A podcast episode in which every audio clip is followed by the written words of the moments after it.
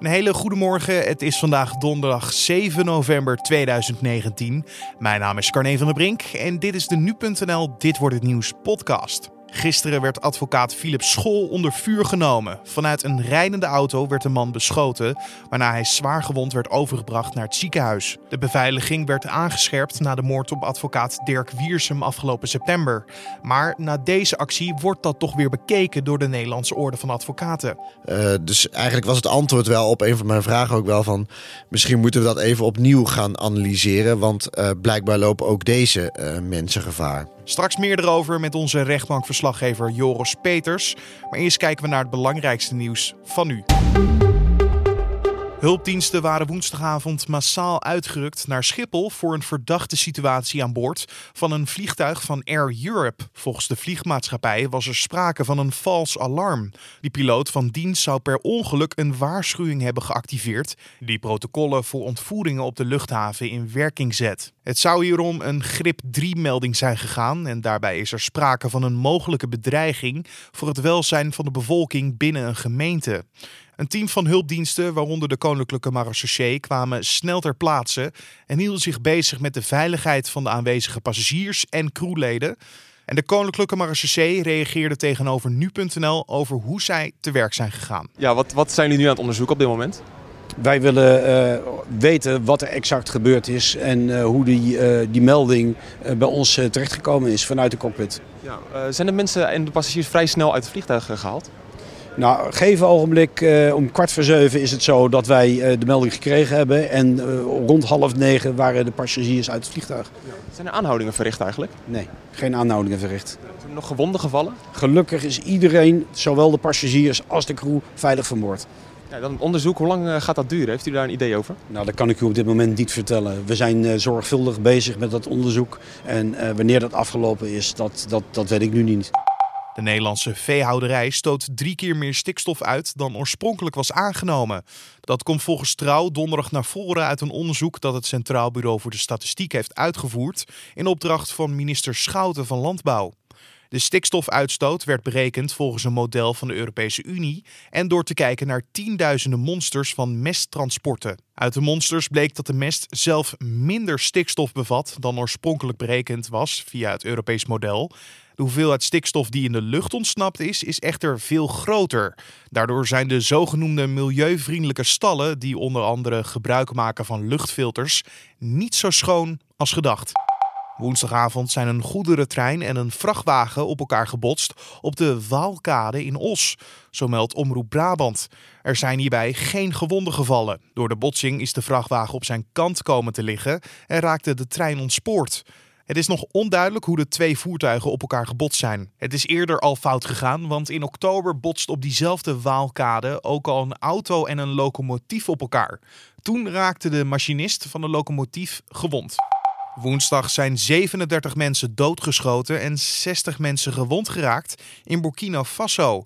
Dit gebeurde tijdens een hinderlaag op een konvooi mijnwerkers van de Canadese goudmijn Semafo. Een van de bussen van de mijnwerkers reed over een bermbom, waarna een onbekend aantal mensen het vuur op de bus opende. Het is nog onduidelijk of en hoeveel van de aanvallers tijdens de schietpartij zijn omgekomen.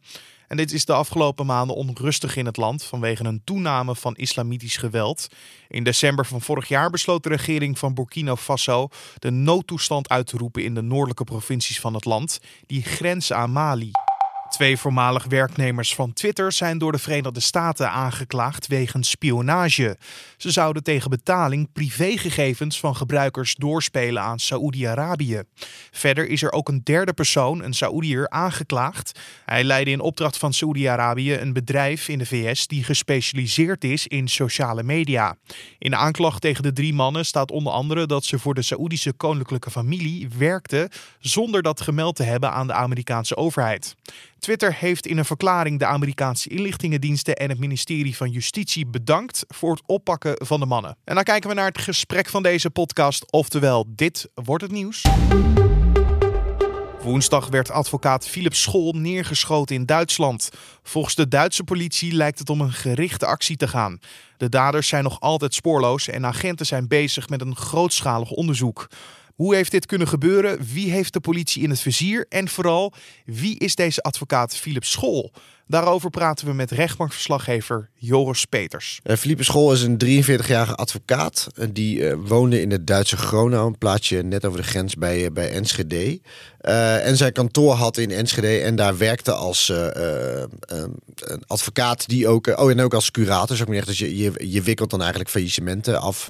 Hij stond dus niet een bekende in de media bij. En met een bekende in de media bedoel ik een beruchte crimineel die werd gezocht door de politie. Ja, die link zou je snel leggen hè, in dit soort gevallen. We hebben natuurlijk de verschrikkelijke moord op Dirk Wiesen meegemaakt in september. Um, en daarmee werd al uh, meer gekeken naar de veiligheid van de advocaten. En dan denk je meer aan strafrechtadvocaten. Maar het gaat hier inderdaad over een advocaat die uh, zich bezighoudt met faillissementen. En om dat zo goed mogelijk af te ronden. En uh, ja, waar je misschien niet 1, 2, 3 van denkt, dat is een doelwit voor, voor wie dan ook. En zeker niet. Uh, en faillissementen, het is iets heel normaals. Er werd volgens mij in de media ook al een link gelegd met een sportschool in Losser. Wat kan je daarover zeggen? Ja, klopt. De politie doet daar onderzoek naar. Dat gaat over een, inderdaad over een sportschool in Losser, waar uh, school ook bij betrokken was bij de afwikkeling. En hij heeft daar zelf over het vermoeden uitgesproken dat hij het gevoel had dat de, dat de opbrengsten van, van wiethandel werden witgewassen via die sportschool. Uh, en dat is op een gegeven moment ook reden geweest. Uh, er zijn wat incidenten hebben er plaatsgevonden bij die sportschool. En het is ook reden geweest om de autoriteit op de hoogte te stellen van dat er mogelijk ook dreiging is richting school. En daar zijn toen ook maatregelen opgenomen. Nou, maatregelen, daar zeg je ook iets. Want de NCTV die wist al dat er een, uh, om het maar zo even te noemen, een veiligheidsrisico was, toch? Ja, klopt. Dat is nieuw. Hè? Dat gaat dan via de beroepsgroep. Uh, in dit geval dus advocaten. Die melden dat bij de NCTV. Uh, die hebben weer contact opgenomen met de lokale, met het Openbaar Ministerie. Zowel hier in Nederland als in Duitsland. En die hebben eigenlijk aan hun laten weten dat zij al langer op de hoogte waren van de dreiging tegen school. En dat zij ook uh, al maatregelen hadden genomen. Maar ja, wat voor maatregelen dat zijn, daar doen ze nooit uitspraken over. Omwille van de veiligheid. Maar goed, dat die op een bepaalde manier wet beveiligt. Dat kunnen we wel stellen. Aan het begin zei je al eventjes nieuw. Bedoel je daarmee dat dat nieuw is sinds de dood van Dirk Wiersum? Sinds de moord op Dirk Wiersum? Ja, klopt. Toen is er een speciaal mailpunt opgericht... waar inderdaad advocaten kunnen laten weten als er een dreiging... Uh, als zij dreiging ervaren. En dan wordt het doorgegeven weer aan de NCTV. En wat is er verder sinds die moord op Wiersum eigenlijk daadwerkelijk veranderd in de beveiliging in de advocatuur? Is daar iets bekend over? Details, zoals je al zei, dat zullen ze nooit uh, vertellen, maar misschien wel in algemene zin. Nou, ze hebben sinds de moord op Dirk Wiersum gewoon veel meer ingezet op veiligheid. En niet, niet alleen in het geval van, uh, van advocaten, maar ook in het geval van rechters. Uh, er is ook een, een analyse gemaakt. Hè. Ik bedoel, wie passen er dan binnen dat beeld? Wie zouden er beveiligd moeten worden? En ik proefde wel een beetje uit dat. En, en, wat, wat wij eigenlijk ook al hebben, over hebben in dit gesprek, dat een advocaat die uh, faillissementen behandelt, daar niet invalt. Dus eigenlijk was het antwoord wel op een van mijn vragen ook wel van, misschien moeten we dat even opnieuw gaan analyseren, want blijkbaar lopen ook deze mensen gevaar. En de grens die verschuift dus eigenlijk gewoon. Ja, uh, blijkbaar. Weet je, ik bedoel, die, die grens, we hebben het heel vaak over een grens. En in het geval van Wiersum is er weer een grens overschreden. Uh, met een moord op een, op een advocaat. En niet heel veel later wordt er gewoon opnieuw een advocaat neergeschoten. We weten nog niet het motief. Maar het lijkt er weer heel erg op dat het te maken heeft met zijn werk. Um, dus ja, het, het, het verschuift en het blijft verschuiven, ben ik bang. Je hoorde rechtbankverslaggever Joris Peters in gesprek met collega Julien Dom. En dan kijken we nog even naar de verdere nieuwsagenda voor vandaag. En daarop staat dat het weer een avondje Europa League voetbal gaat worden. PSV speelt vanavond uit tegen het Oostenrijkse Lask Linz. AZ begint al om 4 uur vanwege het tijdsverschil aan het duel met Astana. En Feyenoord speelt later op de avond thuis tegen het Zwitserse Young Boys. En dat wordt tevens het Europese debuut van Dick Advocaat als trainer van de Rotterdammers. En dan nog even het weer. Deze donderdag wordt het een bewolkte dag. Die begint met buien. Een regengebied trekt vanuit het zuidwesten langzaam naar het noorden van het land.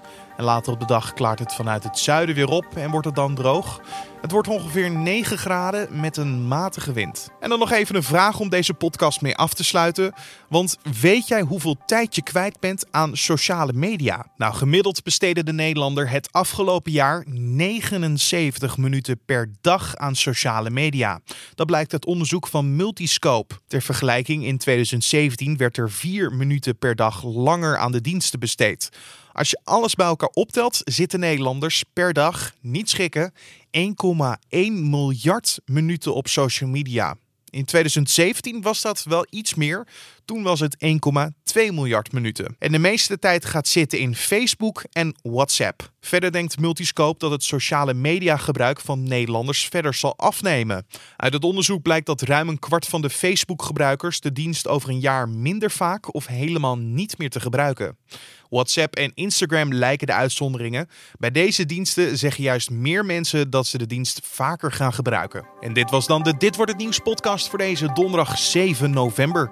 Je kan ons helpen deze podcast nog beter te maken door een mailtje te sturen naar podcast@nu.nl of een recensie achter te laten in iTunes. Daarbij kan je ook gelijk 5 sterren aan deze podcast geven en als je dat zou willen doen, zijn we je dankbaar. Verder kan je deze podcast elke ochtend om 6 uur ochtends op de voorpagina van nu.nl vinden en in je favoriete podcast app zoals Spotify, iTunes of Google Podcast. Mijn naam is Carne van der Brink en ik ga gelijk weer aan de slag voor de podcast van morgen. En ik hoop dat je dan ook weer luistert. Dus tot dan.